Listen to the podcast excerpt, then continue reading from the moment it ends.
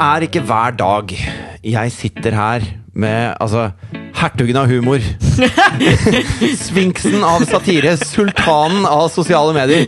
Han er generasjon X sin utdannede, urbane stemme. Han er talerøret for en tapt generasjon. Det er Alexander Nyhagen. Hvorfor, hvorfor tror du jeg har, har vridd hjernen min for å lage noen eh, noen passende, passende kallenavn på deg. Ja, de likte jeg. Det syns jeg var veldig bra. Veldig buglish av deg. Kjempe, ja, kjempefin. Eh, kan det ha noe å gjøre med at eh, Med min beske kommentar til eh, det nylig avsluttede stortingsvalget? Altså, når det er valg, da, da fokuserer Presse-Norge på én ting. Det er valget som gjelder. Mm. Ja. Det er det eneste som, eh, som har nyhetens verdi akkurat den kvelden og morgenen etter, er hvordan går dette, og hva er det som skjer, og hvem er det det skjer med, og hvorfor. Ja.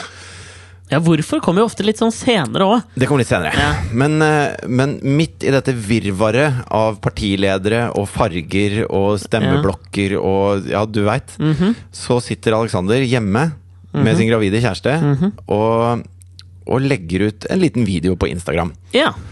Noe som skaper overskrifter i Se og Hør dagen etterpå. Jeg føler, da har du, du har snakka mye om dette med sosiale medier er viktig for deg. Nå Ja. har du landa. Ja, Nå kom du inn det. i B52-en din og tok ned på den landingsstripa med fynd og klem, altså. Du er så stolt, vet du. Nei, men altså, stolt og stolt. Det er Jeg syns det var grådig artig. Hvis jeg skal si det, det var artig at når man liksom bare gjør noe på humor som jeg satt og lo av sammen med kjæresten min. Det var egentlig bare noe vi satt og lo av.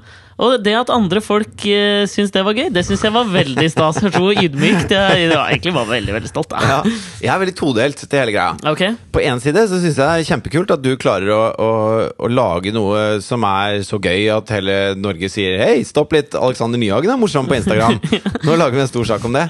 Det, det syns jeg er veldig kult. Og når jeg så det, så så jeg for meg deg, det, det, lille deg, som satt og godta seg i sofaen. Så bare, satt og Ja, eller mer sånn godta meg over selve greia. Jeg, jeg syns jo sjøl den var morsom, hvis ikke så hadde jeg ikke lagt den ut.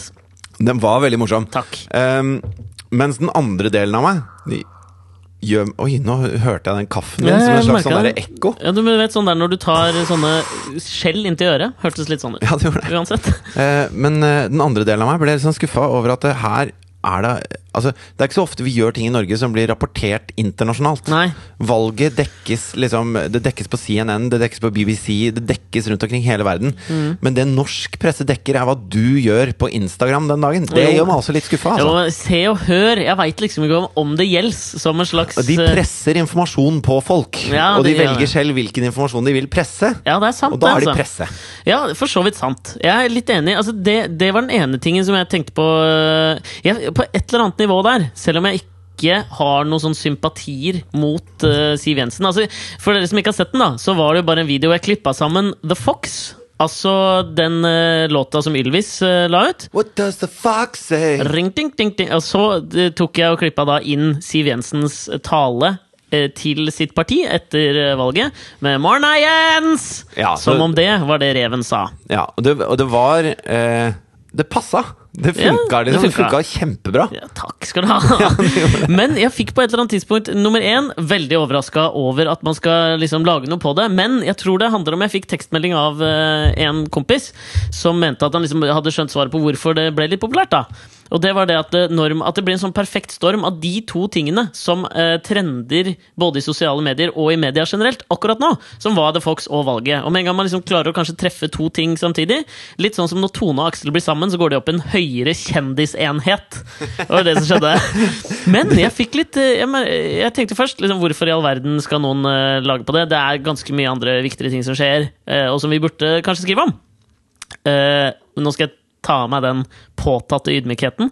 For det jeg nesten tenkte mest på, at jeg fikk, jeg fikk en litt sånn vond smak i munnen etter hvert utover kvelden. Satt og fulgte med på Twitter, eh, for det var en Twitter-storm rundt kjolen til Siv Jensen og liksom den talen hennes. Kan jeg bare si, før du fortsetter jeg har jo ikke vært så jævla ivrig på Twitter. Nei. Men når det er, når det er Grand Prix og valg, Ja.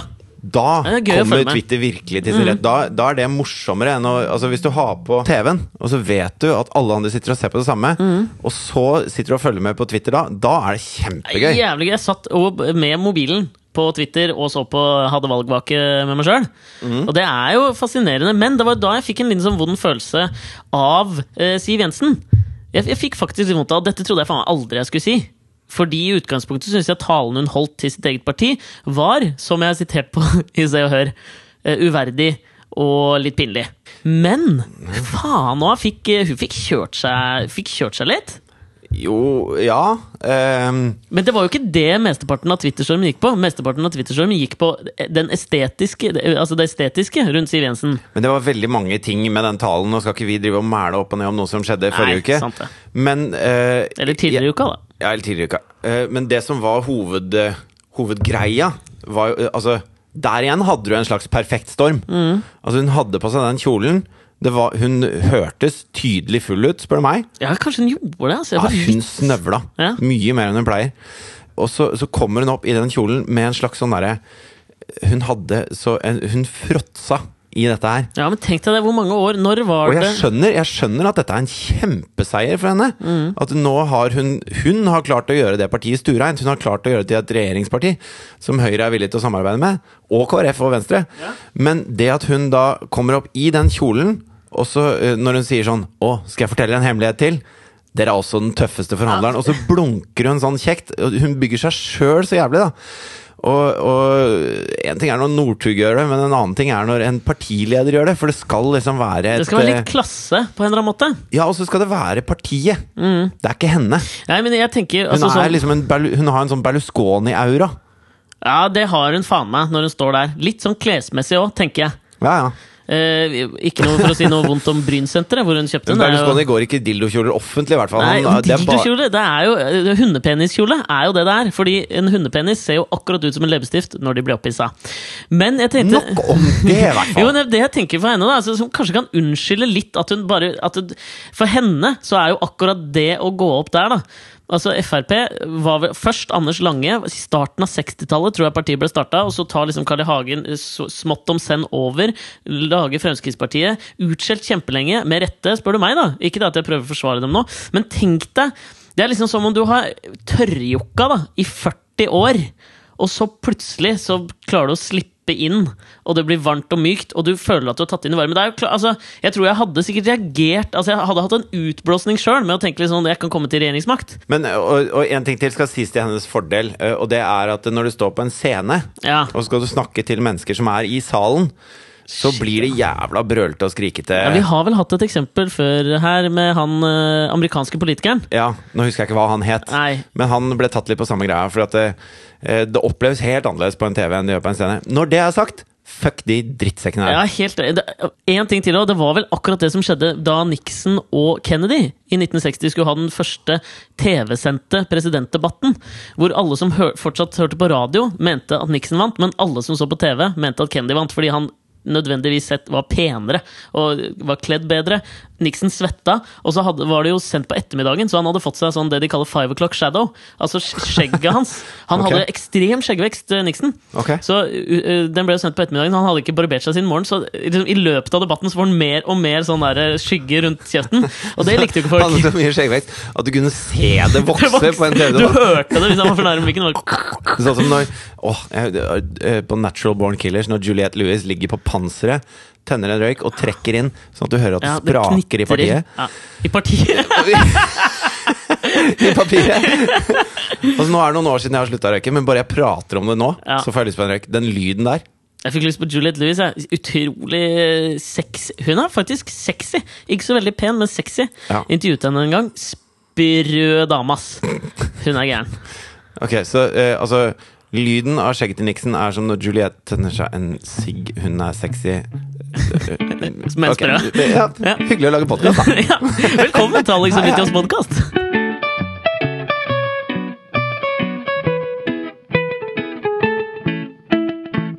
Men jeg var jo som eh, hvor, mange var det som stemte, egentlig? Nei, Det var veldig lav eh, deltakelse, var det ikke det? Eller Først så ble det meldt om lav deltakelse, men det var ikke så gærent allikevel. Jeg vet ikke, Ligger vel rundt 60-70% Jeg vet Ja, ikke, 70 tror jeg regnes som høyt. Jeg gjør det det, kanskje? Jeg tror vi ligger på rundt 60. Det var vel den kommune, det var en kommune vi har vært i med Gøy på landet, som hadde den laveste, tror jeg. 50 eller noe sånt. Vestnes. Ja, det var en av de eh, en, eh, Var det Vevelstad som ble først telt opp, for det var bare Ja, 500 innbyggere. det er veldig gøy. Men i hvert fall, jeg var og utøvde min borgerplikt eh, på Ja. mandag. Mhm. Eh, og så, når jeg hadde stemt, så hadde jeg med hun Thea på seks år. da Og så, eh, Hun hadde jo med sånn kaffekort, så hun fikk sånn valgstempel på kaffekortet. Syns Ja. jeg var dritstas, da. Ja. Og så gikk vi på vei hjemover etterpå, eh, og så gjennom Ryes plass, og der er det jo masse boder. Mm. Så sto han der i Moxnes eh, på Rødt-boden. Fortsatt, jeg Det er vel ikke lov å drive valgkamp på valgdagen? Forhåndsstemte. Nei, men han må jo få lov til å eksistere, stakkar. Ja, men det var en valgbod. Jo, men han sto jo ikke der, og altså, de sto sikkert og pakka ned. For Ja, alt jeg vet, det, liksom. på valgdagen. Ja. For de hadde jo valgvaken sin på Parkteatret, som var rett ved siden av. Ja, hadde det? Ja. Ja. Det syns jeg også er veldig passende. Altså, Rødt, de fleste partiene hadde passende sted til valgvakene sine. Definitivt. Ballroom var jo da Det er en veldig harry, kan vi vel si, klubb Ekstremt harry klubb. bak, rett bak Stortinget. Er det ikke der den ligger? da? Jo, Ja, Det var Frp. det var Frp. Arbeiderpartiet selvfølgelig på Huset, som jeg bare kaller det, med stor H. Hus òg, kjent som eh, en, et slags eh, et slags sånn kodeord for å gå på bordell òg, uten sammenligning for øvrig. Å gå på hus. Ja, gå på hus. Gå på Arbeidernes hus. ja, ja. Nei, men uansett, altså. Høyre, Radisson. Høyre var Radisson. Ja, det er for så vidt Veldig passende. Ja. Eh, KrF hadde jo altså et så kringle og, og traktekaffe-lokale som det er Ja. mulig å få. Men det er gøy også hvordan Det oste KrF! Og så Ah. hadde de Altså Alle de andre lokalene var liksom litt sånn lyssatte og så litt kult ut. Og de Ja. pynta sånn. De hadde to sånne flip-ups Ja, jeg vet bak. Og så var det liksom helt gult og masse lysstoff. Det så helt jævlig ut. Ja, Det, men det- så så kristent ut. Det er ekstremt kristne. Sånn TenSing-vibe. Sånn at du Veldig. ikke skal bli frista til å finne mørke kroker hvor du kan drive ja. Nei, Men det som er hus. gøy ja, hus. Men det som er gøy også, i forlengelsen av det der, er når jeg satt og fulgte med på NRK sin eh, vake. da Ja, jeg også. Uh, og det som er gøy er at du, jeg føler at Hvis du hadde stilt opp alle journalistene som blir sendt ut, så kunne du liksom sagt hvem som dekket hva. Ja, ja, Skjønner ja. du? Hun som var på Var det KrF eller var det Senterpartiet? Hun som skjeler så fælt. Hun som bare ser ut som hun aldri skjønner hvor kameraet er. Og så ser hun rett Alltid når hun starta, så hun rett inn i kameraet med en sånn stor kjeve. Og så bare øya pjong! Ja, det, er- ja, er gøy. Ja, Man skal ikke mobbe folk som skjeler, da. ikke det hele tatt. For det er ikke noe de kan noe for, nemlig. Ikke det er bare det noen veldig late muskler i det ene øyet sitt. Ja. Uansett, jeg gikk eh, sammen med Thea nedover Ryes plass, og så sto han eh, Moxnes der, da. Ja. Og så syns jeg han gjorde det veldig bra i den siste debatten som var på NRK. Mhm. Så jeg eh, stopper, og så sier jeg sånn eh, Ufortjent mye tyn han fikk for den. Han lanserte jo da den derre eh, bussturen i forkant av valget, hvor de skulle busse folk rundt og så se hvor rike mennesker bor i okay. Oslo og omegn. Dette fikk jeg ikke med meg. Da var jeg i Danmark, jeg. Ja, nei, han lanserte en sånn greie hvor eh, for å vise klasseskillene i Norge, så, eh, så leide de en buss. Kunne folk bli med, og så skulle man kjøre da gjennom Oslo, og så skulle man se da hvordan eh, de rike har det kontra de fattige. Så fikk han jævla mye tyn for det, da, fordi noen fant ut at han bor på Nordstrand i en sånn 20 millioners villa som Moxnes? foreldrene hans eier, da, hvor han leier jo egentlig bare en slags sånn sokkelleilighet der for 7500 i måneden. Ja, men men de det mente at det var dobbeltmoralsk. Jeg syns det må da for faen være innafor. Ja. Ja. Uh, jeg syns han er veldig flink, jeg. ja, flink fyr. Og så, og så stoppa jeg, så sa jeg at eh, vet du, jeg syns du gjorde det så bra på den debatten. Det Ga du han en tommel opp? Jeg ga han en tommel opp. Og da sto han liksom og pakka ned den boden sammen med masse andre der. Og så sier TV sånn uh, Peker på meg. Og så sier hun 'Han stemte Arbeiderpartiet!' og så bare, Hvordan kunne hun vite engang at det var feil? Nei, altså at det var rødt, og at det var noe annet, eller noe sånt. Og alle der begynte å le, og jeg ble, jeg ble den derre Du vet sånn eh, Nå må vi gå eh, Ja, ja. Og det er, det er så noldus. Ja, men for, for, Fortalte du til henne hva du stemte? Ble hun med inn i liksom avlukket? Ja, og så spurte hun jo fælt, da, så jeg prøvde å forklare litt og sånn. Og så sto jo de folka utafor og delte ut, eh, så da måtte vi jo gå forbi noen. Og, Aldri skjønt det greiene der. Hvorfor deler du ut foran? Da, Hvis da, det blir tomt? Nei, det er jo bare da kommer du inn med den i hånda. Ja. Så da, da, da vet de at eh, du kanskje kaster den, eller kanskje bruker Ja. den. Jeg vet ikke, det er det siste, siste støtet, da. Men hva sa Bjørnar Moxnes? Ute, sa han noe til deg? Ja, Han begynte å le veldig og sa det er riktig del av fargeskalaen, i hvert fall. Ja. Så, så jeg fikk for den, på en måte. Det er godkjent, det. Ja, Men jeg følte meg jævlig dum. At det, virka, det virka så jævlig smiskete. Hvis, det hadde vært, liksom, det hadde vært Ja. rødt jeg akkurat hadde stemt, så hadde det liksom vært på sin plass. Ja, Men når jeg prøver å gi han noen komplimenter, og så blir jeg da sladra på av den lille drittungen Da virker det bare så jævla smiskete. Noe det kanskje også egentlig kanskje var, da. Jo, men altså, for faen, det må du òg. altså, Jeg kan jo anerkjenne at Erna Solberg har gjort, eh, gjort en god valgkamp, selv om jeg ikke stemte Høyre. Ja, Og Trine Skei Grande også gjorde det veldig bra på den debatten. Ja, at hun Altså Jeg har alltid overraska meg over at eh, Jeg syns Erna har fått så jævla mye pes for utseendet sitt i løpet av sin politiske karriere, at hun er litt stor og greier. Du- du- Trine Skei Grande er jo mye større. Hun ser faktisk ut som en rev. Med den sveisen og sånn. Ja, faen, Hun sant. har et reven, revaktig utseende. Kan vi ikke legge inn nå et, noe Trine Skei Grande sier, og så synger vi i forkant What does the fuck say? Så legger vi på Trine Skei Grande, så kanskje du og jeg også kan Kan du få lov å være med på denne virale hayride Nei, som da, vi er i gang med? Da, Den skal du få ha for deg sjøl. Jeg vil ikke være med Jeg vil ikke være noen sånn blek copycat av mitt sidekick. Copyfox, tror jeg det heter.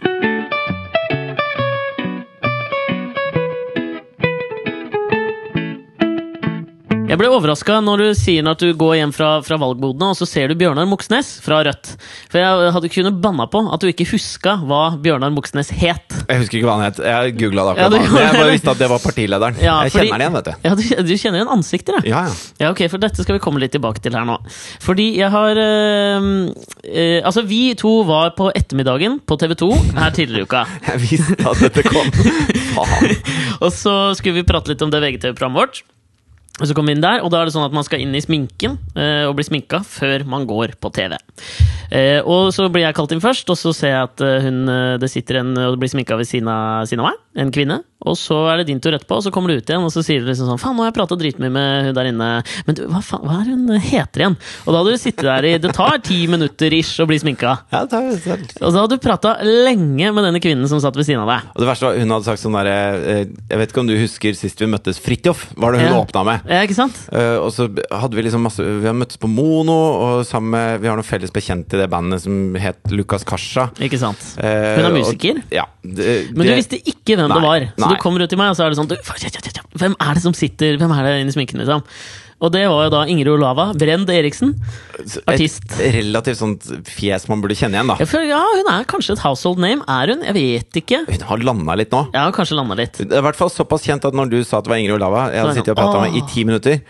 Hvor hun i tillegg var sånn på takk for sisten, liksom. Ja, Da følte jeg den burde sitte i hos meg. ja den Etterpå Etterpå jeg. så så jeg at manageren hennes satt jo rett bak meg når jeg kom inn sånn Hvem faen var hun som satt der? Ja, veldig pinlige greier, Ja, det altså. er ganske pinlig.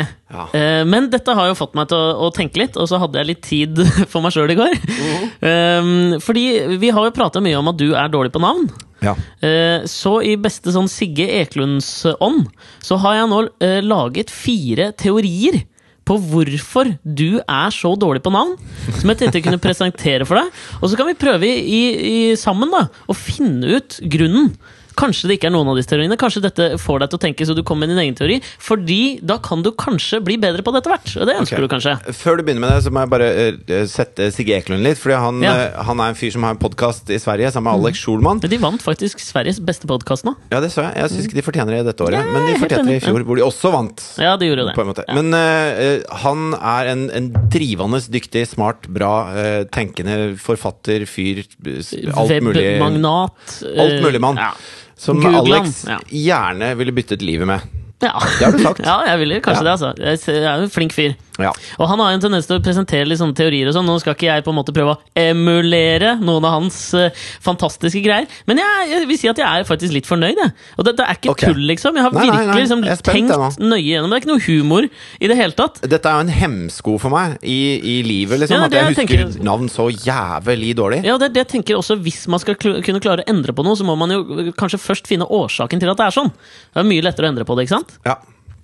Ok, Skal jeg bare presentere teoriene eh, fortløpende, og så tar vi en oppsummering til slutt, da, kanskje? Det- Tja. Vi får se. Teori 1. De har navn nå, bare sånn at du vet hver teori. Ok. Teori 1. Antagelsesteorien. Jeg kommer jo ikke til å huske de navnene. Jeg skal gjenta etterpå. Ja, det er bra. Teori 1. Antagelsesteorien. Ja. Du antar mye i forbindelse med å hilse på nye mennesker. Du antar at de vil introdusere seg for deg, at andre introduserer deg for dem, at folk allerede vet hva du heter, og kanskje viktigst, viktigst så antar du at navn ikke er så viktig, og at uh, hvis menneskene betyr nok, så kommer du til å huske hva de heter. Alle de antagelsene du bygger opp før du møter noen, de står i veien for at du husker det faktiske navnet på den personen du møter. Antagelsesteorien. Ja, det er, det er nok noe sannhet i noe av det. Ja, Ehm, jeg har tre teorier til, altså. ja, ok. Jeg vet ikke om jeg kommer til å huske alt. Men Nei, eh, ok, men vi- få høre neste teorien, da. Teori to. Først meg selv, og så meg selv-teorien. Du er en selvopptatt person. Ja. Du er en selvopptatt person som egentlig ikke bryr deg så mye om menneskene du møter. Det du er mest opptatt av, er hvordan du selv fremstår, både i utseende, stemmeleie og håndtrykk. Ok. Ja, Det var teori to. Teori tre. Representasjonsteorien. Du klarer ikke å knytte navn til person som en meningsfull representasjon av denne personen. Altså at navnet, når du møter noen, ikke betyr noe for deg. Eh, Det kan hende er fordi du ser mennesker i farger, litt sånn som Maria Mena, eller at du ser dem i tall. Kanskje hvis du ser damer, så tenker du automatisk en åtter istedenfor Katrine. Skjønner du? Altså Eh, på, på ligge med-skalaen? Ja, eller? bare kanskje på at du, estetisk nytelse, eller kanskje du bare ser dem som en slags sånn Matrix-greie, tenker jeg, for du er veldig flink ser til tall. Jeg bare Ja, tallkombinasjonen, sånn grønne tall som daler. Ehm, eller så tenkte jeg igjen at det kan hende at du ser dypere, at navn bare blir en sånn arbitrær betegnelse for noe dypere. At du faktisk ser menneskene for det de er, og ikke hva navnene deres er. Skjønner du? At navn ikke Altså Det er da representasjonsteorien. Ok, ja. Den siste teorien, teori fire, polariseringsteorien. Den inngår da at alt er min feil. Ifølge, ja, I sosiale sammenhenger så føler du deg så komfortabel, og at du har kontroll på situasjonene, og at de fleste mennesker liker deg. Og for å skape en viss sånn spenning i disse sosiale møtene, eh, så søker du etter å polarisere den dynamikken som f.eks. du og jeg har når vi møter noen. Og ettersom jeg husker navn, så tar hjernen din et bevisst valg som oppleves av deg som ubevisst, for å skape spenning, sånn at du glemmer navnene. Alt er min feil. Polariseringsteorien. Eh, eh, ja, altså her er det veldig mye interessante, gode tanker. Ja, Men først av alt så er jeg litt nysgjerrig Fordi at det, Jo, jeg er litt nysgjerrig på hva, hva tror du er grunnen til at jeg er helt ute av stand til å huske navn? Nei, altså Jeg tror alle kan stemme litt. Jeg tror ikke teori to, først meg selv og så meg selv-teorien, egentlig gjelder. Det kan godt være sikkert kanskje litt mer sånn der, de der kjappe møtene, så driter man litt i hva folk heter, og så er man bare opptatt av å ta ordentlig i hånda. Men det er jo ikke de vi snakker om, egentlig. Nei, Man snakker jo om sånne uh, situasjoner hvor man burde huske navnet. Ja, Ikke sant? Ja. Da tror jeg at det er en jeg tror vi kan ta en, Jeg tror det er liksom en tredjedel på antakelsesteorien, en tredjedel på representasjonsteorien og en tredjedel på polariseringsteorien. Når vi to er sammen. Ja, jeg, jeg tror det er såpass enkelt som at eh, eh, Altså, jeg har veldig god hukommelse, Ja, det har du. men den er ekstremt selektiv. Eh, og jeg kan ikke styre den selektiviteten i hukommelsen. Nei? Men det må jo ha noe med hva som interesserer meg å gjøre. Ja, navn Ja, men det, er, det går jeg, inn jeg tror jeg er mer uh, opptatt av hvordan menneskene kan underholde meg, enn hvem de egentlig er. Når jeg møter noen, så har jeg lyst til å bli litt underholdt. Ja, Leveringsteorien, alternativ fem. Ja, Ja. Så, Sånn at uh, Da er jeg der. Og så er de der. Og så får vi se om dette blir gøy. Ja, og så surrer den der, en din versjon av den Robbie Williams-låta 'Let Me Entertain You', uh, 'Let You Entertain Me', Nei, går rundt i let, huet. let us entertain us, Let us entertain us. på en måte. Ja, Så jeg gir faen i hva de heter etter at jeg har dratt. Det er jo samme det.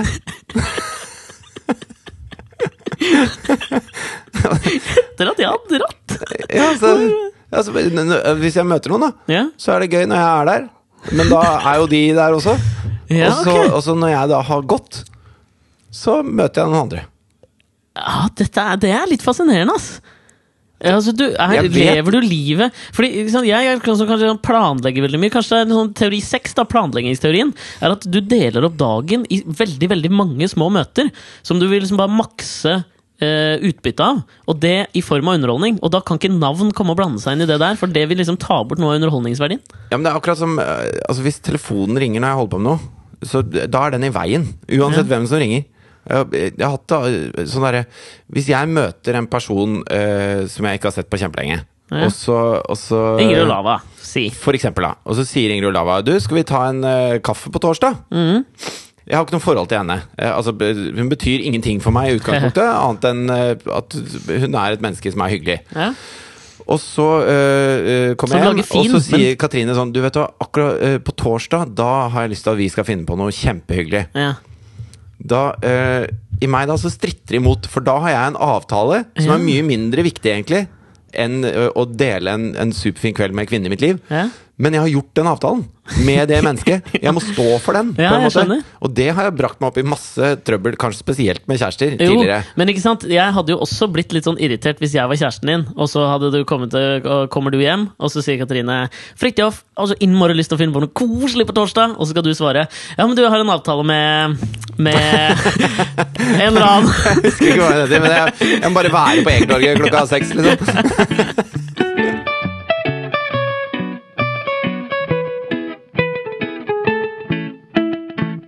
Jeg bare kom på sånn Altså, jeg så et sånt brev som Sean Connery hadde skrevet til Steve Jobs. Har du okay. sett det? Nei. Hvor Steve Jobs hadde da eh, prøvd å få med Sean Connery på noen reklamer Mm. for Apple-produkter. da og, så, og så hadde Sean Connery Jeg skal nesten lese opp deler av det brevet. Bare vent litt. Okay. Det er alltid risky, syns jeg, når man skal Altså sånne produkter som du på en måte ikke kan bruke noe særlig i reklamen. For, en, for eksempel for en iPhone. da Hvis Sean Connery skal stå og taste på den, så blir det mer det at han står og viser fram og sier "iP- uh, Apple iPhone 4S. For dette får meg til å tenke på da Brad Pitt reklamerte for Chanel Number 5. Har du sett den? Altså, det, Hvordan reklamerer du for en parfyme? Det er jo å stå og se deilig ut, sånn at folk får et inntrykk av at den mannen er så deilig at han må lukte godt. Ja.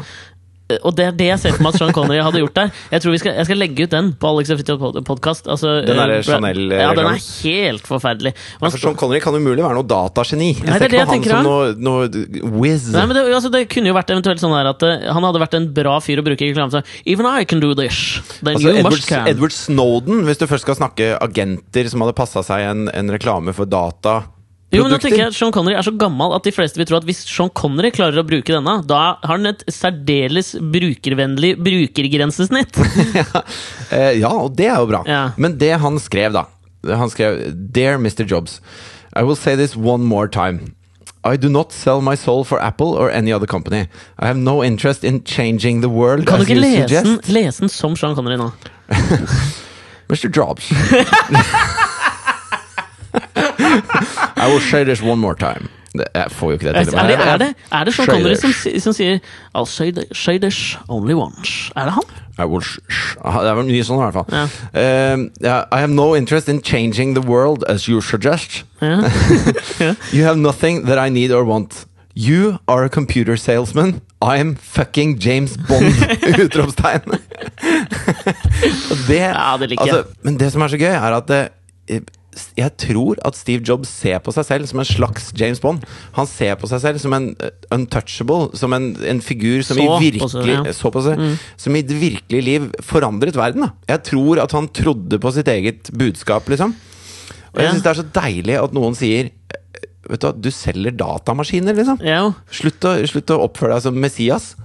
Men så, så, Men så kan du snu detter det- hele på det, ja. på sin, egen, eh, på sin egen logikk når han sier Ja. 'jeg er James Bond'. Ja, no, nei, du er ikke James Bond! Nei, ikke, Men eh, er jo kanskje også, vil jeg kanskje påstå, som hvis, hvis det hadde vært noen andre skuespillere som kanskje eldes litt dårligere Altså Jeg tenker sånn som eh, jeg vet ikke, Nicholas Cage, kanskje ganske kul, syns jeg, om enn noe endimensjonal i starten av karrieren, og nå spiller han bare drittfilmer. Jeg vet ikke, jeg kan Men liksom han har jo ikke et på sånt navn som James Bond. Altså Du kan ikke ta en av de figurene han har spilt, og så er det helt sånn gjengs. Nei, alle vet hvem det er, liksom. Altså, Nei, du kan si 'jeg er Gandalf', kan du si. Ja, jeg trodde du skulle si jeg er Gandhi, som han der Ben Kingsley går og sier Ja. hele tiden. Jeg tror ikke Will Smith går rundt og sier at han er Muhammad Ali, på en måte. Nei, da må han vel si at han er den Fresh Prince. Ja, det kan jo faktisk hende at han går og sier. Ja, Men, for det er han vel? ja det er det Ja, han er, det er faktisk det han er. Jo, men jeg tenker altså, at Sean Connery har på en måte eldes eh, ganske godt. Altså, eh, relativt sett. Han, jeg kan ikke liksom se, han har vel ikke spilt i noen jeg kommer på sånne sell-out-roller seinere? Nei, og han har ikke gått på den der smellen at han bare gjør noe for de enkle penga mot slutten av karrieren. Nei, litt sånn som kanskje Robert De Niro har gjort litt, føler jeg. Som begynte, sånn, begynte med den der Meet the Fuckers, hvor han skulle spille han tøffe svigerfaren til Ben Stiller. Som jeg tenkte sånn, ah, for så vidt artig film, og så kom The Wedding og jævla mye annen drit. Ja. Ja, altså, Men de filmene der er jo de som grosser best, Ja, på en måte. Ja. Og det er derfor Sandra Bullock er en av de Bollock!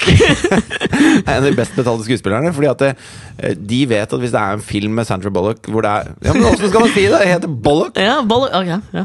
Bullock? ja, Bullock. Bullock. Sandra Bullock. Bullock. Ja. Hvis det er en film med henne som har et eh, hvitt cover med henne i en kjole på coveret, Miss Congeniality. for eksempel, Mm. så selger den så og så mye. Ja. Og det er bunnsolid. Men vant ikke nå Hun har vel klart å ta den der, det steget til siden fra de der romantiske komedieskuespillerne. Kanskje det som kanskje ikke Meg Ryan helt klarte. Jeg veit ikke. Jo, kanskje.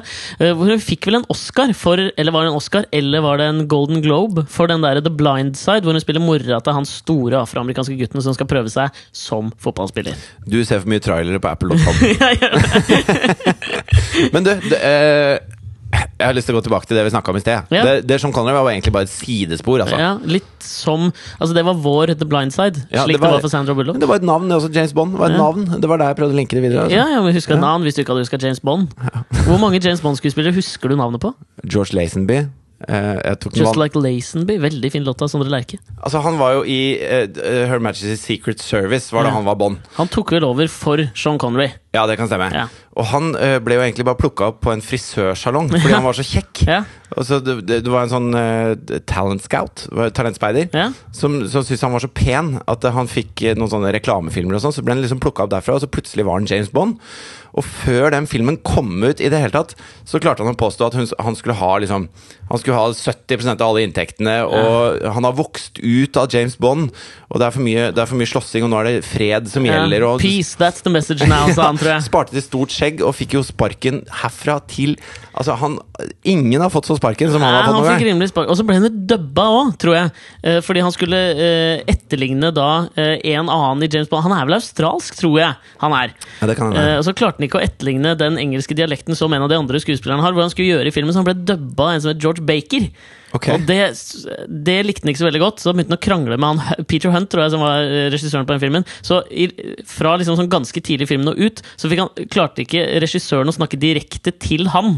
For han var så forbanna på han. Så han fikk alltid sånn via noen. Det er så, rimelig barnslig. Kan ikke du si det til er helt utrolig. ja, Si til uh, hovedpersonen at han må spille litt mer, at han må gråte litt mer. Det er tungvint! Ja, altså, det er, han hadde liksom verden i sin hule hånd. Mm. Det er som Aksel Lund Svindal under OL skal liksom uh, kjøre fortest i, i prøveomgangen til, til utforen. Ja. Og så Bestemmer seg for å bruke Og så sier han bare 'Dette sirkuset er ikke stort nok for meg'. Før, før selve konkurransen. Bare, fra nå av er det langrennsski som gjelder. Men du, skulle, du ville tilbake til noe da jeg begynte å spørre deg om du kunne navnet på en del eh, Ja, Kan du navnet på noen flere Bond-skuespillere? Altså Det er Sean Connery, George Lazenby, eh, Roger Moore, eh, og så har du han Pierce Brosnan, Ja. og Daniel Craig, ja. og så har du Timothy Dalton? Timothy Dalton. Er det noen flere? Jeg husker jo ikke sjøl. jeg. jeg syns det var Det var ganske bra. det var veldig bra. Ja. Eh, jo, nei det, Moxnes hadde vært en ganske bra James Bond, tror jeg. Ah, Måtte trent litt. Måtte Eh, jo, trent jo, litt, men han har et litt sånn James Bond-ish eh, For han er han, han fører seg med en viss verdighet, syns jeg.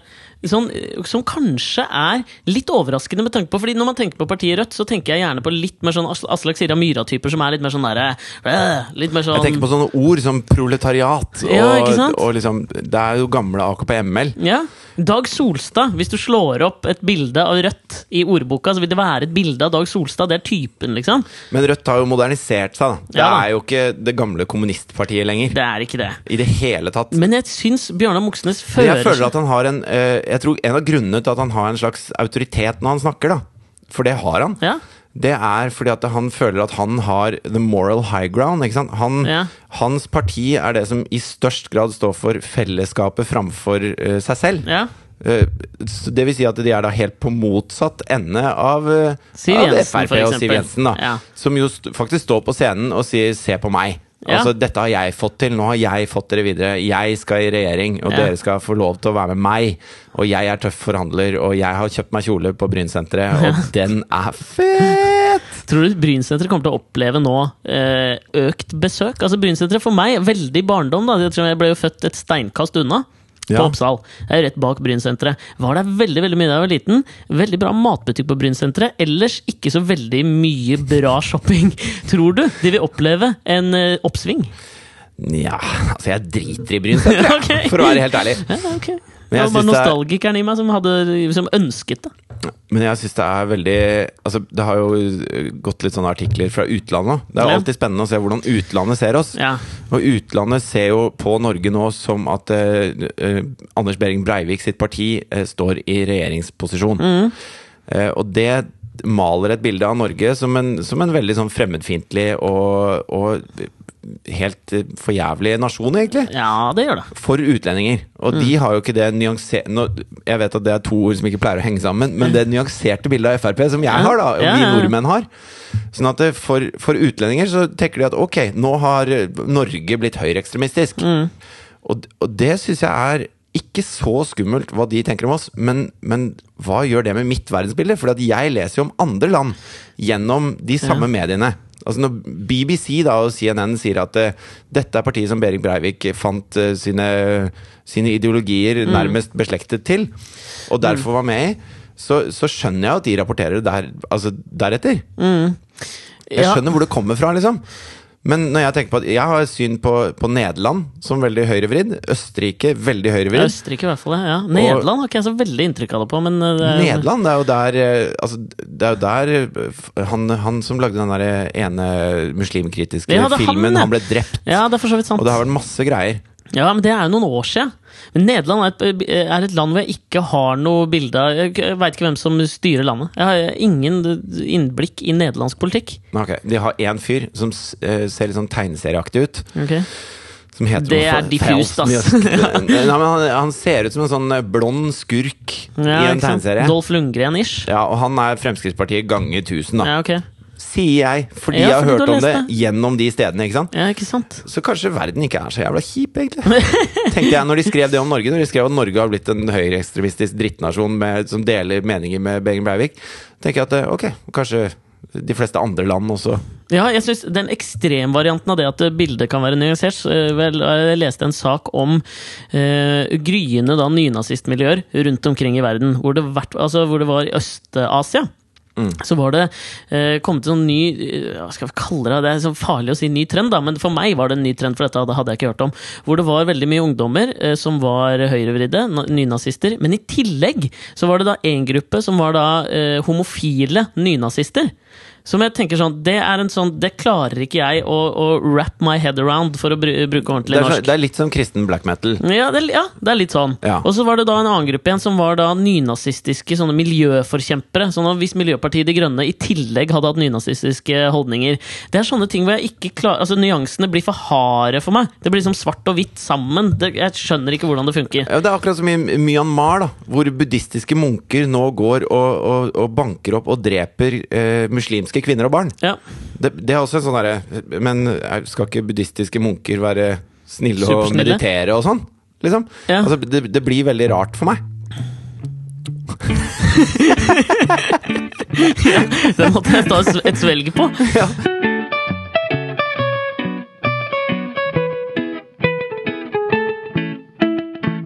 Men det er også gøy Det er også gøy når, eh, når BBC da skal liksom ta en, en rapport fra Norge. Ja. Hvorfor ble valget sånn det ble? Ja. Hørte jeg på World Service, som er på en måte det beste av BBC sine reportasjer eh, fra hele verden. Og, og med seg i dag, så for å kommentere på valgresultatet, så har de fått med seg Ta en vill gjett. Hvem som helst. En nordmann, eller? Norsk kvinne. Som de har fått med seg på å kommentere valgresultatet. Vil jeg ikke BBC World Service News Today. kan, Oh, ja, jeg elsker sånne gjetteleker, men uh, er det innenfor den politiske sfæren? Å nei da! Å nei da. Uh... Lisa Tønne. er du på kødd, eller? Nei, det er helt sant. I karakter som Alireza, eller som seg sjøl? Nei, bare som Lisa Tønne. Kødder du? de, de skulle ha liksom en kommentar på valgresultatet i Norge, som distribueres til hele verden. Det mennesket de ringer da Nei, du bare kødder? Er helt sant. Hva sa hun, da? Nei, hun sa, hun sa at eh, hun, hun trodde at nordmenn hadde stemt ut fra kjedsomhet. At de ville ha forandring, liksom. Ja. Og at, eh, at vi har det altfor bra. Sånn at eh, det, det, Hun sammenligna Norge med en sånn uh, blond dame med silikonpupper som klager over at uh, lipglossen ikke holder lenge nok. Sa hun dette på engelsk òg? Ja, A blonde woman with silicone tits, ja. which, who complains that Her lipgloss eh, keeps uh, rubbing off, eller et Ok, eller annet sånt. ja. At det- at Fascinerende bilde.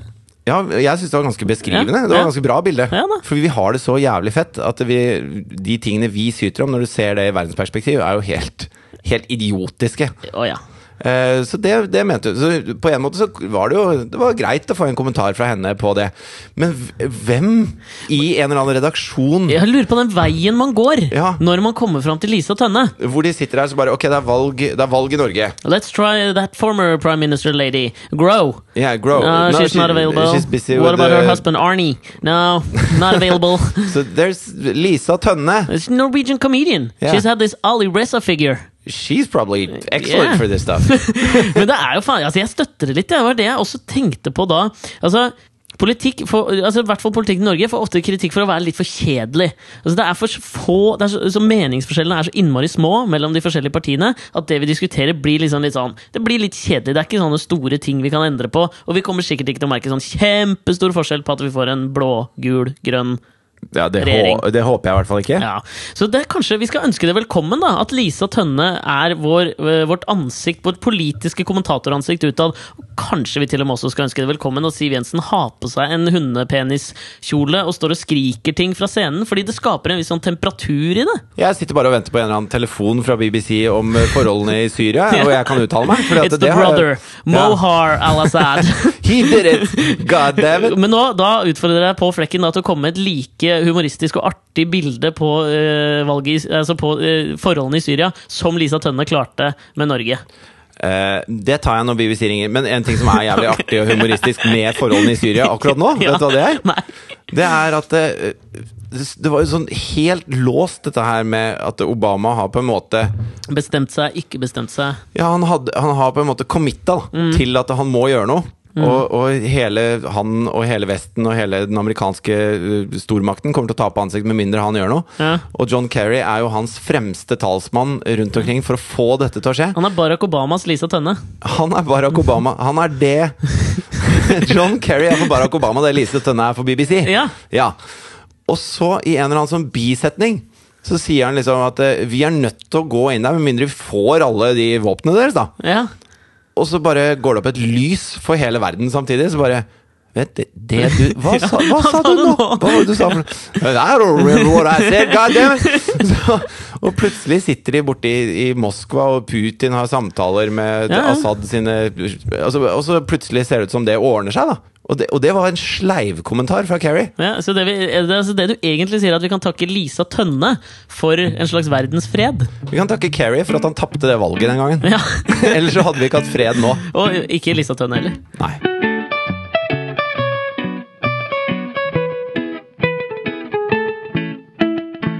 Jeg pleier jo å være tilhenger av at eh, noen ting må staten bestemme, og andre ting kan vi bestemme selv. Ja. Blandingsøkonomi. Ja. Et, et et sosialdemokratisk samfunn syns jeg er gøy.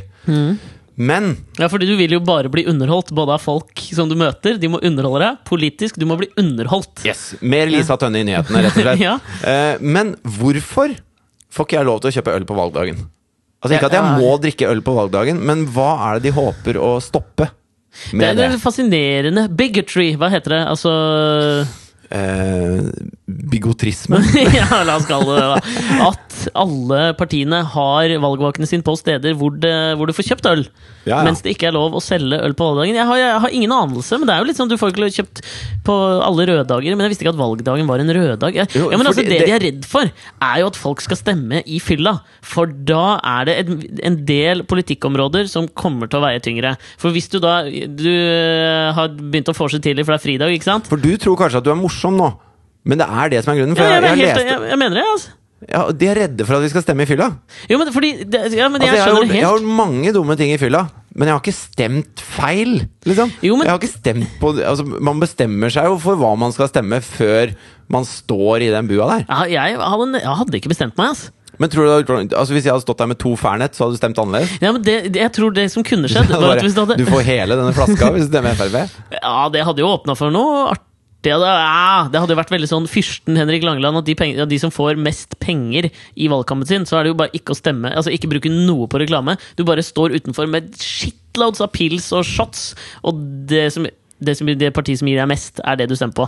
Det jeg tror at, som kunne skjedd, okay. er at jeg kunne fått en sånn derre En liten sånn whiff av at jeg liksom sånn Hvis jeg ikke hadde mer øl igjen på valgdagen, så hadde jeg liksom tenkt sånn Hvilket parti vil at vi skal selge øl når som helst? Frp!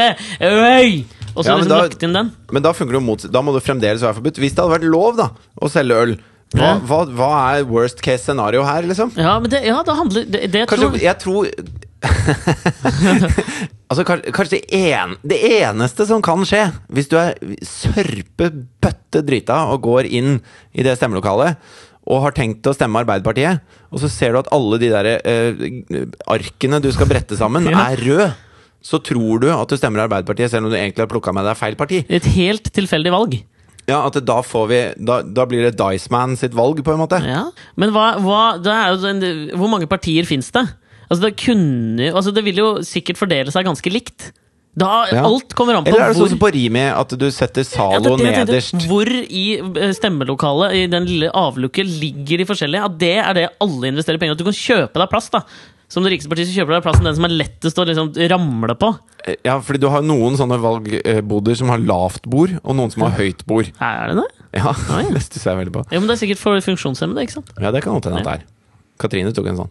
Jeg skulle jo hatt en sånn en, jeg òg. Jeg, jeg merker at jeg også, når jeg liksom er inne i den valglokalet, så føler jeg at det er noe sånn rituelt ved det å stemme. På en eller annen måte. Ja. Og da må jeg bare si Litt sånn lei av alle de som skulle instagramme fra inni valgboden. Bruk stemmeretten. Godt valg. Her er jeg. Klink. Bilde. Det har null verdi for meg. Ja, Det eneste som var gøy og, uh, i valgboden, Mm. er jo det partiet Hva heter det partiet som bare setter sånne random folk på Ja, faen er det det heter, da? Piratpartiet, eller jeg vet faen. ja, det, er, det er i hvert fall et parti som er en sånn gal fyr. En sånn us- Demokratene! Er Er det er det? det det heter? Ja, det som Vidar Kleppe starta, var det ikke de som plutselig bare så sto Johan Golden på stemme på, på lista deres og sånn? Jo, altså Atle eh, Antonsen òg, vel? For regelen er jo sånn at man, hvis man har et politisk parti, så kan man sette opp hvem man vil på den lista, så lenge de ikke er medlem av et annet politisk parti. Ja, kan man det? Man kan det. Så eh, jeg så lista over Oslo. Han hadde satt opp Aylar og Tone Damli, og han hadde satt opp alt mulig slags. Hvem hadde da. vært førstevalget ditt, da? Hvis du, kunne liksom, du starta et parti, og så skulle du liksom da lage posterboyen din valgfritt, som skulle stå øverst på lista. Som ikke er politisk aktiv nå. Ja, Eh, Kristoffer Schau. ja jeg ja, drev og tenkt litt på det. Han er en fyr som kan sette ned foten, tenker jeg. Ja, jeg tenk, Han hadde fått orden på Syria på null komma svisj.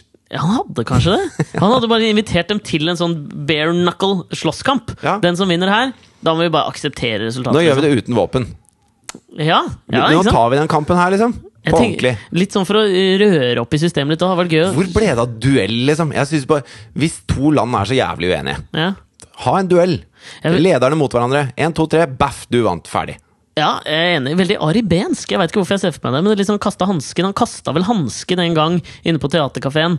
Hvor han mente at han hadde fått en dårlig anmeldelse. Så smekka han en eller annen VG-anmelder i ansiktet med hansken og liksom utfordret til duell, tror jeg. At det er så barnslig. At Jo, jeg men det er det. ganske Ja, deilig, jeg egentlig. liker det litt, altså. Jeg tror også Jeg hadde kunne smelt en Lillian Müller ganske høyt på lista, bare sånn for å fått noe litt sånn esoterisk jævelskap inn på Stortinget. Ja, Jeg visste du at Lillian Müller har en sånn following? Lillian Müller, hun gamle Playboy-modellen. Nei, Lillian Müller, hva faen er det jeg prater om? Jeg snakker jo om Gry Jannicke Jarlum.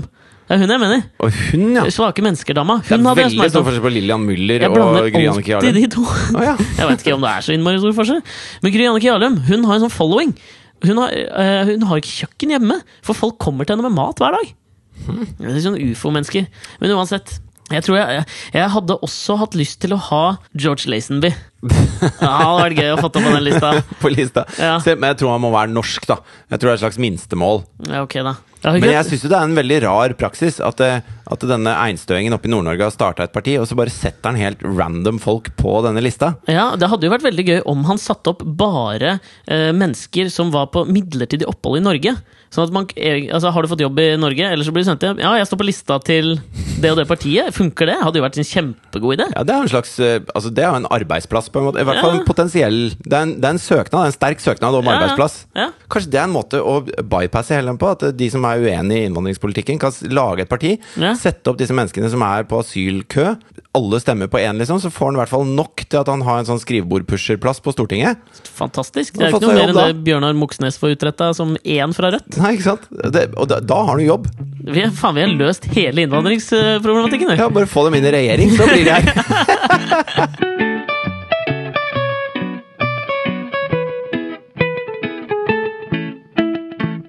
Apropos innvandring. Eh, jeg har jo gjort dette kakebakkeprogrammet. Cupcake kakekrigen.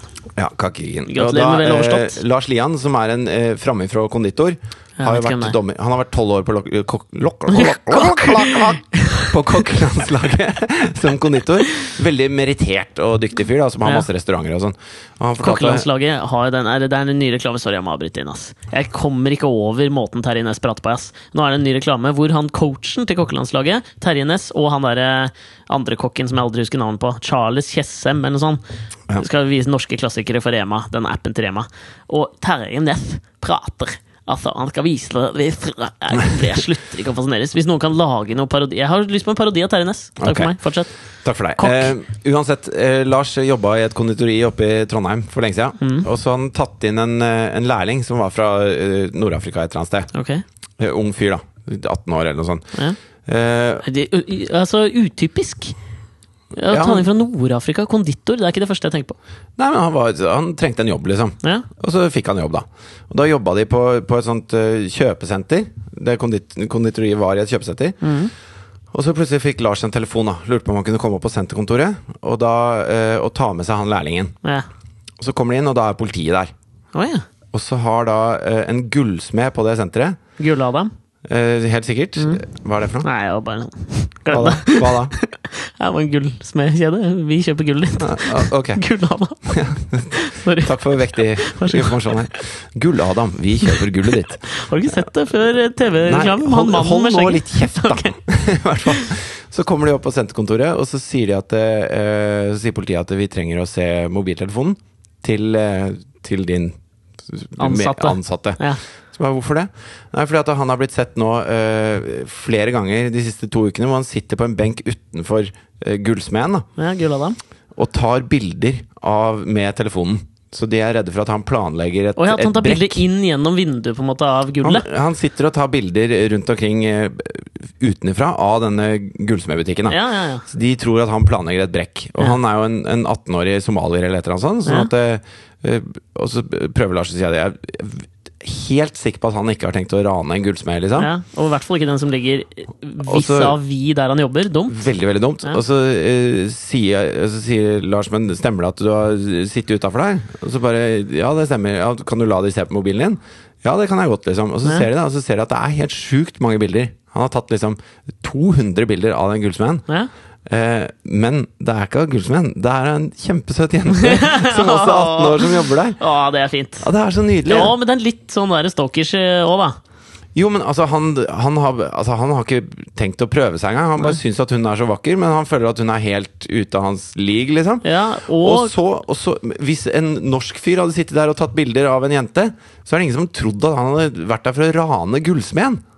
Nei, det er for så vidt sant. Så det er jo fordi han er nordafrikaner at de har ringt politiet, da. Istedenfor å gå bort og si du, Hva er det du driver og tar Jeg bilder tror? Laila er lei av at du tar bilder av rumpa hennes, liksom. Ja. Men hadde hun, Laila, lagt merke til at han hadde tatt bilder? Det er sikkert hun som hadde meldt fra, da. For han var er sikkert der hver gang hun var der. Ja, men for faen, det må jo være lov, det. Hvis, uh, altså, kanskje han ikke hadde internett hjemme, da? Jo, runkebanken var litt tom, så han måtte bare fylle på. Jeg syns, jeg syns skikkelig synd på han. jeg. Så dårlig gjort. Ja, det er dårlig gjort. Ja. Altså, jeg, har, jeg, har vært, eh, jeg har vært ulykkelig forelska i tenåra, jeg også. Det var ingen som pussa politiet på meg av den grunn. Kommer bare på dårlige ordspill jeg på å pusse trompeter og alt mulig når du sier at du Jeg gir meg. Takk for meg. Følg meg på Instagram. Er det- Får du lite Blir det lite på dem da, da? Siden alt liksom har med det å gjøre? Nei, ja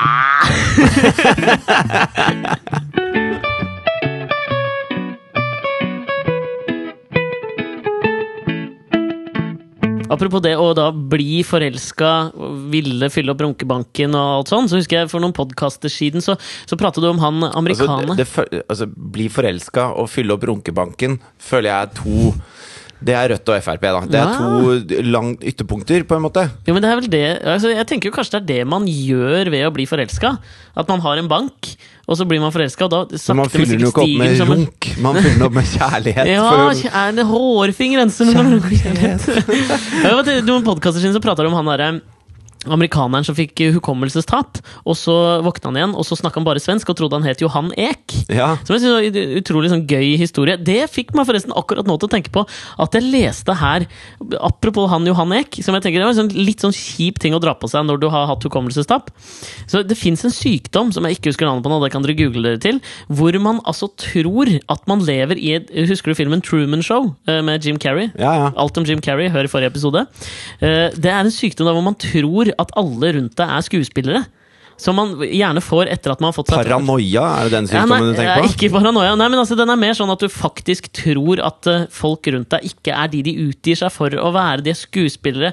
Kona di er bare en skuespiller. Så det går liksom utover paranoiaen til mer en sånn systemparanoia. Men er det mange som har denne sykdommen? Er sikkert ikke mange, altså. Jeg tenker, det, altså, Når jeg hører ordet sykdom, da, Ja. så forbinder jeg det med at liksom, det er noe feil på, på, kroppen. på en måte på kroppen, liksom. Jo, ja, men vi må ikke Altså, psykisk syke det er, Man blir ikke syk, altså. Jo, men da har Ja ja, det vet jeg. Ja. Men, men da er det liksom at du Du er kokos, da, og så, så arter det seg på forskjellige måter. ja, jeg skjønner. Men det arter seg på den måten for dem, da. Ja. At man tror at, Og det tenker jeg må jo være en helt jævlig ting å tro hele veien. da Så fremt du ikke er rimelig sånn Så fremt du ikke er George Lazenby, da. Han tenker jeg må jo synes det var helt fantastisk. Bare sånn senter for alt, liksom.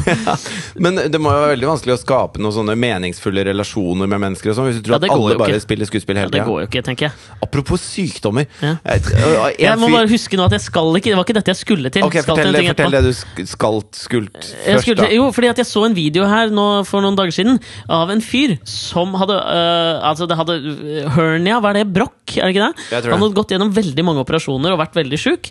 Uh, og han var gift, hadde vært gift med en dame i flere år. Og så var det, hadde det gått litt gærent under en operasjon, sånn at han våkna opp med et litt sånn hukommelsestap, og sikkert i en sånn veldig morfinrus etter at han hadde hatt en sånn brokkoperasjon, da. Hvor han ikke huska at han var gift.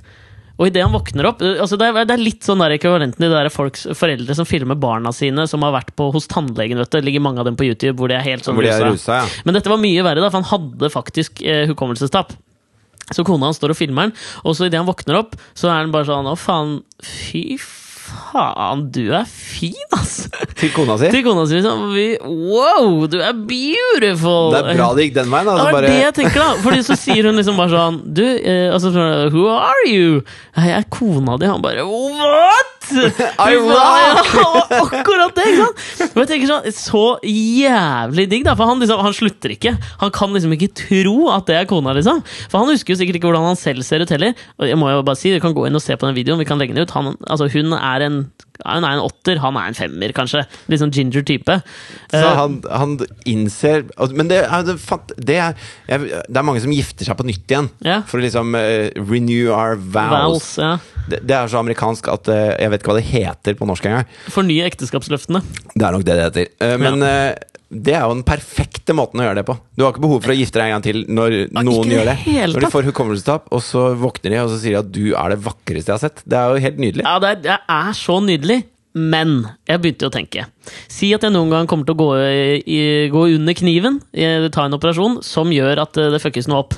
Så fikk jeg plutselig da jeg så så jævlig nerver for at jeg gifter meg med Mari. da Og så våkner jeg opp, og så er det liksom en eller annen sånn At jeg møter henne med en skuffelse eller noe sånt. Da. At er liksom Hvem faen er du? Ja, men du, hvis du får brokk noen Ja. gang Jeg var jo og inn sjekka for bråket. Du sjekker jo for alt.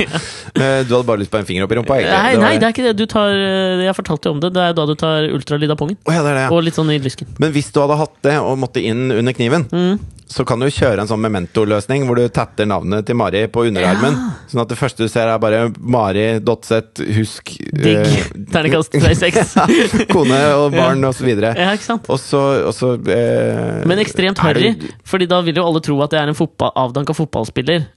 Aka David Beckham, som har tatovert alle navnene på alt. Ja, ikke sant. Og det er jo slitsomt. Brooklyn. Men det jeg skulle tilbake til med, med sykdom, da. Jeg leste Ja. om en fyr som har eh, Han har en sykdom hvor det er helt sånn krøsskobling i nervesystemet hans. Ja, men det er det! Så nervebanene sender beskjed til feil sted. ok. Og det er Ja, Det vil si at han får vondt på et annet sted enn han slår seg? på en måte? Nei, det er mye Altså, eh, han første bas bassisten i det første bandet vårt hadde en sånn Opel Stanza som han kalte for The Funkmobil. Det Ja, er en bil, ja. en helt jævlig bil. Okay. Rosa interiør og, og hvit bil. ja, ok Veldig Tenk kjip. med en gang sånn Kill Bill Pussywagon-bilen til hun der Uma Ja, bare døll, liksom. Kjip, det er versjonen av den. Ja. Og så, og så var det masse Og så var det blitt litt sånn kluss i reléene på den bilen. Jeg vet ikke hva det betyr. Nei, sånn at eh, hvis han tuta, da, Ja. så, så spruta han vindusspylervæske på bakruta. Ah. Hvis han blinka til høyre, så ja, Alt skjedde feil. Så han måtte lære seg hele bilen på nytt Ja, det var ikke med han nervebanene var fucka, eller? Nei, men det var det- altså det- Og dette var bare en, en analogi! er en- ja, ja, det er det samme som med den Opel-stansaen til Roger, da. er det jeg vil fram til. Ja. Men han fyren her, han hadde det Federer, sånn at det, Hæ? Nei, ikke Federer. Han hadde det et Gull-Adam, het han. Federer? Ja, han Federer. Jeg vant i US Open. Det- Nadal. Var det Nadal? Ja, Nadal! Rafael! Ja, Husker du Teenage Mutant Ninja Kjeft, Turtles? Eh, Det var en fyr på trikken her forleden dag som hadde kledd seg ut som Rafael fra Teenage Mutant Ninja Turtles. det er deilig. Han skulle sikkert på fest. Ja. Uansett, denne fyren som hadde den sykdommen, han hadde da en krøsskobling mellom hørselen og smaksløkene. Nei! Jo, Hva? så når han hørte ting, så smakte det ting i munnen hans. Men kunne han da gjenkjenne altså liksom sånn søt smak var type black metal? da? Det Ja, det var veldig utrolig presist! Ja. Så han har laget et T-banekart over London, hvor han har skrevet ned hva hver stasjon eh, hø Høres- høresmaker. Å ja! Nå skjønner jeg hva du mener. Og så, og så, Hver stasjon hører en lyd, smaker en smak, og så er det sånn, ja. ja. ja, så Oxford Circus var oksehalesuppe, da. Veldig sånn onomatopoetisk Ja, det, riktig, men det var tilfeldig med akkurat Ja, den. ok. Og så eh, Oksehalesuppe? Ja, så han smaker sånn Og så spurte han intervjueren spurte sånn eh, Hva, hva eh, tenker du når du hører news, news hour? Ja. Og så sier han nei, det, det var ikke et så bra ord. Oh, ja, ok. Fordi at news det smaker litt som eddik, mens oh, hour smaker Mars bar. Og de to tingene sammen var ganske ja. dølt. Det må jo være helt forferdelig! Og han sa det er, det er en utfordring når jeg prater med folk, fordi at eh, de forskjellige ordene trigger forskjellige ting, forskjellige smaker. da Ja. Så jeg blir fort distrahert Ja. hvis det er enten noe jævlig vonde kombinasjoner, eller noe sinnssykt bra kombinasjoner. Ja. Men eh, så ble han spurt om eh, at Den perfekte storm må jo være da hvis du skal finne deg en kvinne. Så at navnet hennes smaker som afrodisiakene østers champagne jordbær, en eller annen sånn del der, da blir du sikkert forelska. Ja. ja. Uff, nå fikk jeg noen vonde bilder Ok, i fortsett. Ja, okay, I trynet! Fordi mine nervebaner. Jeg er også litt krøskobla. Men da spurte de Men smaker stasjonene alltid det samme. Ja. Fordi det er vel de samme lydene stort sett. Det kommer og går tog, og så er det folk Ja. som trasker rundt og sånn. Og så sa han at alle stasjonene har forskjellig form, så akustikken gjør Ja. at eh, hver stasjon har den samme smaken alltid. Shit, ok. Det er ganske heftig sjukdom å ha. Ja, det var jævlig. Men da tenker jeg, altså, hvis jeg hadde vært hans kompis, så hadde jeg jo virkelig liksom sånn testa ut det her, da. Ikke Ja, sant? Da hadde jeg jo sagt runkebank. Det var en av de første ordene jeg hadde sagt inn. For å se om det liksom hadde noen sånn Om det smakte sæd, eksempel. Ja. Sånn, dette er en sånn umiskjennelig smak av salt. eh, Litt sånn rar konsistens. Men kanskje vi alle har det der litt? Man kan jo få vond smak i munnen når man hører kjipe ting og sånn. Kanskje det er derfor du ikke husker navn? Kanskje det er kroppens måte, liksom en autoimmun greie? Sånn at, du, at ubevisstheten din veit at du ved å huske navnet, så kommer du til å få det smake på folka, liksom. Nå skulle jeg nesten filma deg. Nå fikk du en sånn der Du vet sånn når lyspæra går opp over hodet på Petter Smart? Nå hadde du sånn uttrykk i ansiktet. Det er noe litt sånn der, Husker du den der boka til en Henri Sysquin, tror jeg han heter? Parfymen, Parfymen. Det er litt sånn som han, Ja. som da altså dreper kvinner for å ekstrahere lukten deres og lage den ene ja, av mennesket, liksom. Lage den ene parfymen som får alle til å pule med hverandre, og som til slutt dreper han selv, da. ja, som, som gjør en så uimotståelig at man, man dreper for å få Ja, tak i det mennesket som lukter det. Det er derfor måte. du ikke husker navn. Ja. Siv Jensen smaker litt fitte for meg. Takk for at dere har hørt da på Alex og Fridtjofs podkast denne uka. Ja, tusen takk. Eh, Vær så god. Og som vanlig så har vi da den lille regla. Skal vi ta annenhver, Alex? Jepp. Send oss mail på Alexander og Fridtjof at Nei, Nei. Alex og Fridtjof. er det også. Nå var jeg flink! Send oss Hva mail på smaker Al Alexander?